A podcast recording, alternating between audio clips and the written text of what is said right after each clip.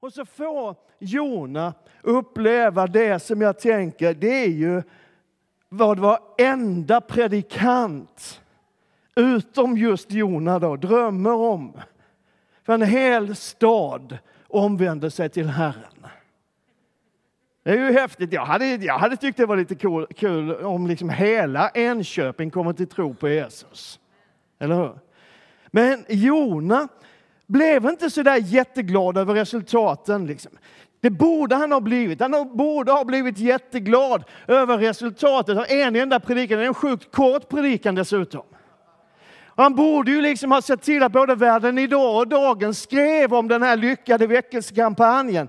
Men istället så blir han fruktansvärt upprörd och önskar sig döden. Man får säga så, berättelsen om Jona är en jättekonstig berättelse. Eller hur? Och den slutar väldigt märkligt också. Därför Jonas sätter sig en bit utanför staden och väntar för att se hur, hur det ska gå. Så upptäcker han ju det som han liksom har haft på känn att Gud kommer att skona dem om de omvänder sig. Och så blir han fruktansvärt irriterad och arg. Och så slutar den där. Skum berättelse. Eller hur? Och då kan man tänka, nu har du berättat hela storyn, vad har du att predika nu? Jag har tre predikningar. Jag ska bara ta en idag. Vi ska tala om, idag ska vi tala om Jonas problem. Och nästa söndag så ska vi prata om Jonas bön, den som han ber inuti fiskens buk. Det är en intressant bön. Och den sista söndagen så ska vi prata om hans budskap. Uh, och så får vi se var vi, var vi hamnar i det här. Det börjar så här. Herrens ord kom till Jona, Amitais son. Alltså Gud talar och han talar till en profet. Och det är ju inte helt ovanligt, för Hebreerbrevets författare säger att i forna tider så talade Gud, många gånger till och med, och på många sätt till fäderna, hur då? Genom profeterna. Så det här är, eller var i alla fall, någonting ganska normalt. När Gud ville säga någonting till ett folk, eller till en person, eller till en kung, eller till någon, vem som helst, så talade han väldigt ofta genom en profet. Och den här gången vill Gud alltså tala genom profeten Jonas, som var son till Amitai. Och det är i stort sett allt vad vi vet om Jona. Och det står inte ens här i texten att han var profet.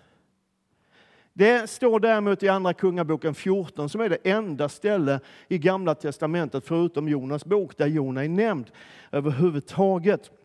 Och där står det så här, enligt det ord som Herren Israels Gud hade talat genom sin tjänare profeten Jona, Amitajs son från Gat Hahefer. Var det nu ligger, men det är väl någonstans. Så Herrens ord kommer till Jona, Amitajs son, och han säger Bryt upp, bege dig till den stora staden Nineve, predika mot den, för deras ondska har kommit upp inför mitt ansikte. Och så kommer det här väldigt underliga att Gud vill tala. Han har talat till och genom Jona förut. Men den här gången vill Jona inte alls vara med. Men Jona bröt upp för att fly till Tarshish, bort från Herrens ansikte. Och han kom ner till Jaffo, det är Joppe, och fann där ett skepp som skulle gå till Tarshish. Och han betalade för resan, gick sedan ombord för att resa med dem till Tarshish, bort från Herrens ansikte. Så Gud vill skicka honom hit, till Nineve, Assyriens huvudstad och en jättestor stad. Dit vill Gud ha honom. Men Jona försöker komma hit bort istället, till Tarshish. Och det finns någon sorts symbolik, tänker jag, i det här. För när man kommer hit bort, så långt västerut som det går att komma i Medelhavet, och man passerar Gibraltar och, och området där Tarshish låg, så öppnar sig Atlanten. Och allt man ser är öppet hav. Det finns liksom inget annat. Om man trodde på den tiden och långt in på, på Nya Testamentets tid så tänkte man det är här världen slutar. Det är bokstavligen världens ände. Tänk fjärdhundra eller något. Alltså det här är världens ände västerut. Så Jona, profeten, gudsmannen, försöker fly så långt bort som han överhuvudtaget kan komma någonstans. Och det blir ju tydligt där, kan man tycka, att Jona vill inte till Nineve. Har du upptäckt det också? Han vill verkligen inte till Nineve. Och man kan ju fundera på varför. Alltså hans, hans track record, hans meritlista, den är ju rätt okej. Okay. Det finns visserligen bara en profetia nedskriven, men den hade han ju lyckats med. Han har profeterat över kung Jerobiam att han skulle lyckas med någonting och så lyckas kungen med det också. Det blir som profeten säger. Han borde ju ha lite självförtroende. Och Nineve är på den här tiden världens största stad. Den har över 120 000 invånare. Det är kanske inte så jättestort på vår tid, men då var det stort. Liksom. Ligger vid floden Tigris, östra strand, ungefär där vår tids Mosul ligger i Irak. Här finns ett enormt palats, 190 gånger 180 meter stort med över 80 rum.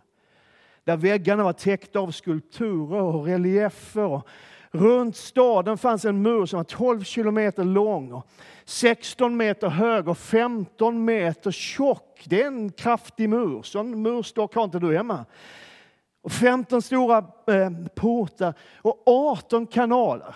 Nu talar vi liksom om, om eh, ungefär 1000 år eller 700-800 år före Kristi födelse så hade man 18 kanaler som ledde färskvatten rakt in i staden så man kunde liksom gå och hämta färskvatten på 18 ställen i den här staden.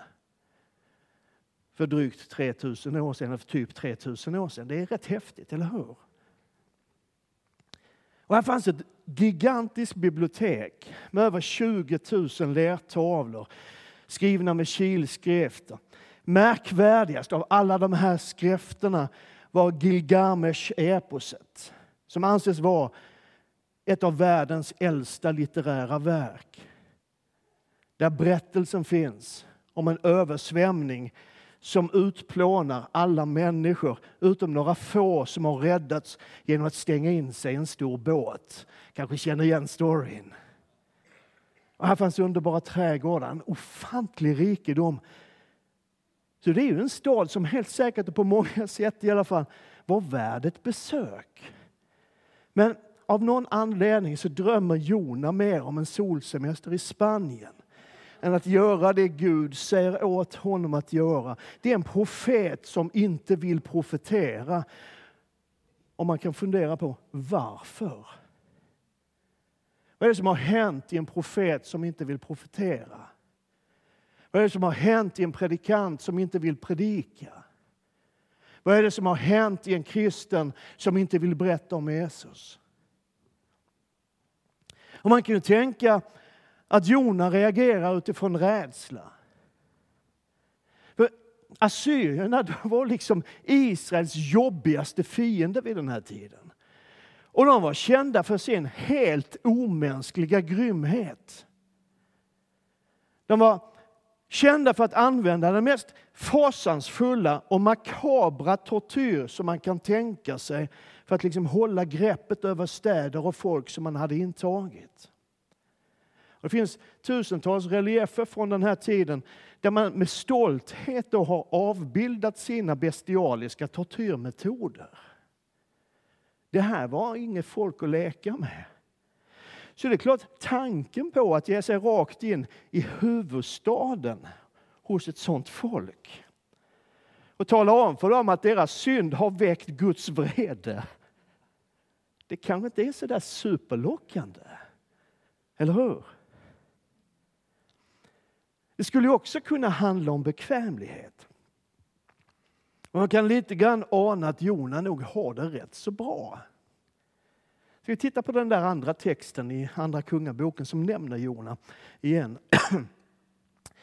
I Judakung Amashas, Joash sons femtonde regeringsår blev Jerobiam Joash son. Det är två Joash söner. Jag undrar om det är samma Joash. Det ser inte ut så i den engelska översättningen, men vi kan glömma det för ögonblicket. Han blev kung i alla fall i över Israel i Samarien och regerade i 41 år. Alltså det här är den tiden när riket är delat. i Israel och Juda, två, två olika riken. De blev ju ett sedan, men, men det, du vet, möjligen känner du till det här. Han vann tillbaka Israels område från det ställe där vägen går till Hamat, ända till Hedmarkshavet, det Döda havet. Enligt det ord som Herren Israels Gud hade talat genom sin tjänare profeten Jona, Amitais son från Gat Hahefer. Alltså så Jona har profeterat framgång över kungen. Och det har blivit som Jonas sa. Och han är nog, kan man tänka sig, i en situation där han ligger rätt så bra till hos kung Jerobiam. Att sen Jerobiam var en kung som gjorde det som var ont i Herrens ögon kanske inte påverkade Jona riktigt på det sätt som det borde ha gjort. Jag vet inte, jag fantiserar lite nu, men man kan tänka. Man kan se av andra berättelser, både i Bibeln och i annan litteratur från den här tiden, att kungar på den tiden gillade liksom att omge sig av spåmän och profeter som talade lycka och välgång. Det tyckte man var bra att ha. Liksom. Sen om det stämde eller inte, det var mindre intressant, bara det liksom snacket fanns där. De som säger det här går bra. Så det är inte alls omöjligt att Jona hade en ganska schysst ställning nära kungen. Eller handlar det om dålig timing? Att Guds prioriteringar inte riktigt stämde med Jonas prioriteringar just där och då. Det kanske är den där solsemestern i Spanien som, som Jona drömmer om. Och kanske är problemet att, att det han liksom är sugen på just då inte stämmer med vad Gud tycker att han borde vara sugen på just där och då. Och kanske är det så att Jona fattar, ja men det där med Nineve är viktigt, men jag har ju det här på gång just nu. Så man kan fundera på de här alla tre, rädsla, bekvämlighet, tajmingen, prioriteringarna. Och när jag tittar på det här så inser jag att, att ofta så är det ju någon av de här, eller kanske ibland en kombination av de här, som får mig att tveka och backa undan när Gud vill någonting. Eller hur? Men sen när man läser vidare i Jona bok så upptäcker man att oviljan hos Jona är grundad i någonting som är djupare än det här. Han ger själv svaret till varför han inte vill gå till Nineve. Du vet, så småningom så gick ju Jona till den här staden och predikade en sex ord lång predikan. Det är på svenska, i svensk översättning, på hebreiska är den fem ord. Han säger om 40 dagar ska Nineve förstöras. Det är ett långt budskap, eller hur? Det är ingen som skulle orka med så långa predikningar nu för tiden. Och vi ska kolla närmare på hans predikan och hans budskap om ett par veckor. Då, för att jag är inte helt säker på att, att Jona själv fattade vad han sa. Men i alla fall, han predikade, folket omvände sig, Gud skonade staden. Den blev inte förstörd, i alla fall inte då, den blev det senare, men inte då. Och som jag sa, de flesta predikanter skulle tycka att det där var väldigt lyckat, det här gick ju bra. Men det tyckte inte Jona. Utan han tog mycket illa vid sig och blev arg. Och han bad till Herren och sa, Åh Herre, var det inte det jag sa? Vad var det jag sa? När jag var kvar i mitt land. Därför vill jag förekomma och fly till Tarshish. För jag visste att du är en nådig och barmhärtig Gud. Sen till vrede och stor i nåd och beredd att ångra det goda. Alltså Jona ville inte att Gud skulle skona den där staden. Han ville att folket i Nineve skulle förgöras och staden förstöras. Och det kanske det fanns skäl till. De var fiender till Israel och staden var full av synd och ondska. Men de här verserna visar på ett allvarligt attitydsproblem hos Jona. Och hans felaktiga attityd bygger en farlig och gravt snedvriden, vågar jag säga, teologi. Därför att för Jona så är de här människorna, människorna som bor i Nineve, det är människor som förtjänar Guds vrede, som förtjänar Guds dom och som förtjänar Guds straff. De här assyrierna i Nineve, de är för Jona de där andra. De som inte är som jag. Och hela hans handlande, hela hans attityd visar att han anser att deras synd är värre och svårare än hans egen. De förtjänar Guds straff. Och han visar en extremt liten självinsikt. Vi ska kolla vidare på det nästa söndag när vi ska tala om, om, om Jonas bön i kapitel 2. Därför att den bönen ser vid en första anblick ut som en väldigt fin och from bön, men den innehåller riktigt stora hål. Det är något som saknas, väsentligt saknas i den bönen, men vi tar det nästa söndag. Men det som är uppenbart är att Jona verkligen tycker att nineveiterna, om det nu är ett ord, förtjänar Guds straff och att han i det glömmer bort eller ignorerar vem han själv är. Jag har citerat Philip Yancey ganska många gånger. Jag tycker att det här citatet det är så mitt i prick. Att det finns kristna som kan bli väldigt upprörda på andra kristna. De som syndar på ett annat sätt än de själv. Jag kommer inte ihåg någonting annat från den här predikan, så ta med dig det. Se till att du inte är en sån där kristen som blir upprörd på andra kristna som syndar på något annat sätt än du. Jag är tacksam att de flesta människor inte syndar på samma sätt som du.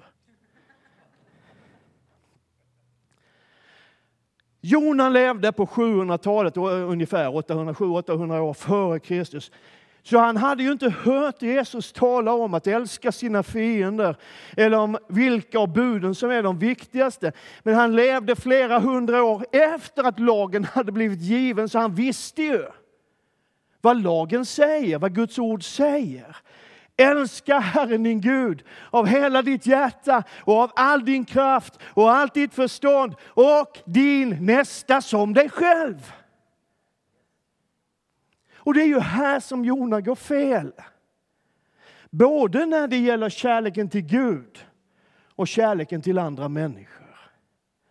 För du vet, när Jona pratar om sin gudsrelation så säger han inte ett enda ord om kärlek och att älska. När han på det där skeppet som ska ta honom till solsemestern i Spanien och stormen kommer och de håller på att gå under och sjömännen kastar lott för att ta reda på vems fel det är att de är så stor, i så stor fara. Och lotten faller på Jona och de frågar honom, vem är du egentligen och vad är det du har gjort?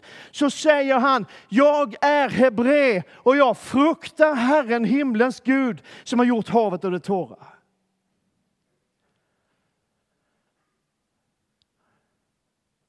Han säger inte att han är en hebré som älskar Gud. Eller ens att han är en hebré som tjänar Gud. Utan han säger, jag fruktar Gud. Den engelska översättningen säger att han tillber, om man så vill. I worship the Lord. Men worship kan betyda ungefär allt från att tillbe Gud av hela sitt hjärta och med allt vad man är och har till att delta i en gudstjänst? Jag har fått den frågan rätt många gånger genom åren av folk som talar engelska. Då. Where do you worship? Och då menar man inte, frågan är inte ute efter liksom att vart är det du går när du vill tillbe Gud med allt vad du har i dig och liksom bara utgjuta ditt hjärta inför honom och prisa honom och tillbe honom. Det är inte det man frågar, utan man frågar vart går du på gudstjänst? Och poängen i det jag vill säga är det här. Att det räcker inte att vara lite allmänt gudfruktig. Lite allmänt religiös sådär. För det Gud vill ha och det den här världen behöver det är människohjärtan som har blivit så intagna och så förvandlade av Guds kärlek, så på djupet vidrörda av Guds villkorslösa och outsläckliga och eviga kärlek så att de inte kan göra någonting annat än att älska och älska och älska både Gud och andra människor. Och förra månaden så hade vi det här som tema att älska Gud och älska människor, hur svårt kan det vara? Och då talar vi ju faktiskt just om det här som Jona-boken på många sätt illustrerar.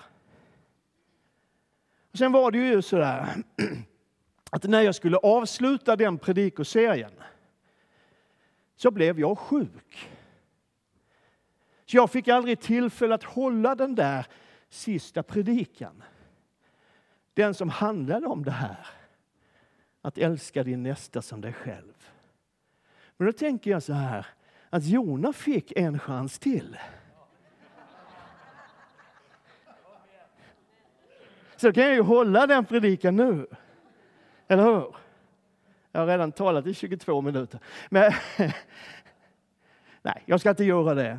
Men det fanns ett par saker i det och jag vet att ni hade en fantastisk gudstjänst här utan mig. Ni har ofta bättre gudstjänst än när jag inte är här. ja. Det fanns ett par saker i den predikan som jag hade tänkt säga som hänger ihop med det som vi pratar om nu. Eh, och du som, som är observant kanske anar att ibland finns det en plan i hur vi lägger upp våra predikoserier, men, men eh, det kan vi komma till någon annan gång. Men jag tror att det som jag ska säga nu är så viktigt att förstå.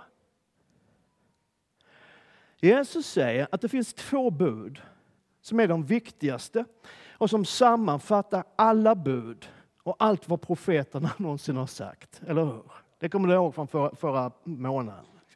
Du ska älska Herren din Gud av hela ditt hjärta, av hela din själ och hela ditt förstånd. Och du ska älska din nästa som dig själv. Och så säger Jesus, på dessa båda bud hänger hela lagen och profeterna. Och här finns en grej som jag har tänkt på under ganska lång tid och ibland reagerat på. Och det är det här. Och häng med mig nu. Att så gott som varje gång som man lyfter fram det här bibelordet, att älska din nästa som dig själv, så är det någon som nästan per automatik säger ja, och man kan ju inte älska andra om man inte älskar sig själv.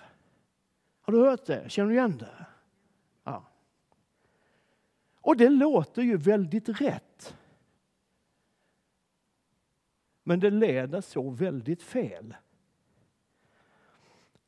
För den här texten i Matteus 22 är kanske den text där Jesus allra tydligast vill visa att allting faktiskt inte handlar om dig utan om andra människor. Det kan liksom inte bli så mycket tydligare. Du ska älska Gud och du ska älska andra människor. Och din nästa är inte du, utan andra människor. Och ändå, fast det är så tydligt som det är, så lyckas vi på något sätt i all vår självupptagenhet och egen kärlek att få den texten att handla om oss själva. Och jag menar att det är sjukt. Man säger att man kan inte älska andra om man inte älskar sig själv. Och så går vi kurser och vi läser böcker om hur man lär sig älska sig själv. Och samtidigt så har vi en värld alldeles utanför våra dörrar som är på väg att gå under. Och lyssna på vad jag säger nu, för det här är också jätteviktigt. Jag säger inte att det är oväsentligt och oviktigt vilken självbild du har. Det har jag inte sagt. Utan jag är helt övertygad om att vår självbild ofta behöver läkas och korrigeras och upprättas utifrån Guds ord och genom den heliga Ande. Och den som brottas med självförakt och självskadebeteende behöver få hjälp att se sig själv med Guds ögon. Det är självklart det. Men grejen är, och med det sagt, att problemet i svensk kristenhet och problemet i svensk frikyrklighet är väl ändå inte att vi är för lite självupptagna. Nu är det väldigt tyst i ena kyrkan. Problemet är väl inte att vi sitter för lite fast i vår egen navel. Är det verkligen det som är problemet? Att vi älskar oss själva för lite, att vi ägnar för lite omsorg om jag, mig och mitt. Är det det som är problemet? Eller är problemet att du och jag är Jona?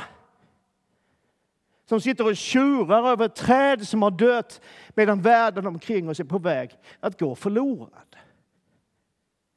Vad är det riktiga problemet?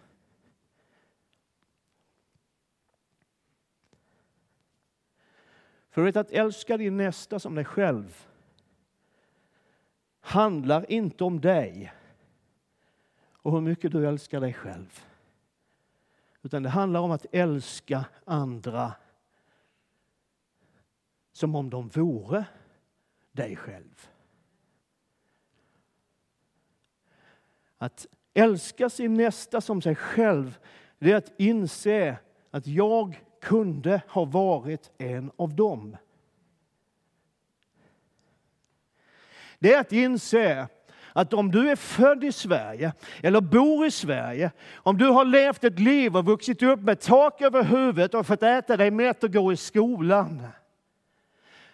Om du har haft eller kanske till och med har en mamma och pappa som älskar dig om du har någorlunda fungerande relationer, åtminstone på något plan i ditt liv, så har du förutsättningar som så sjukt många andra människor i vår tid helt saknar.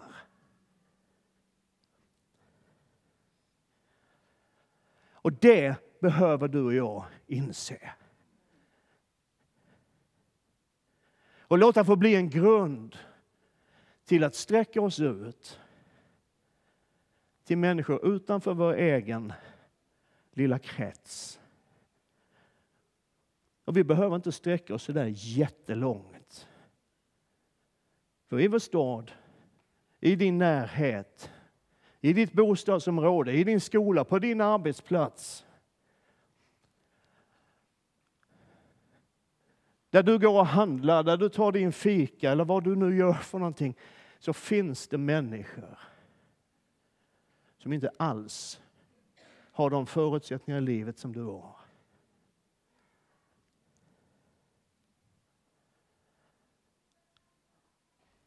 Och det som behövs i vår tid, och som behövs i vårt land, och som behövs i vår älskade stad, det är hjärtan, ditt hjärta och mitt hjärta, som är så totalt intagna av Guds kärlek.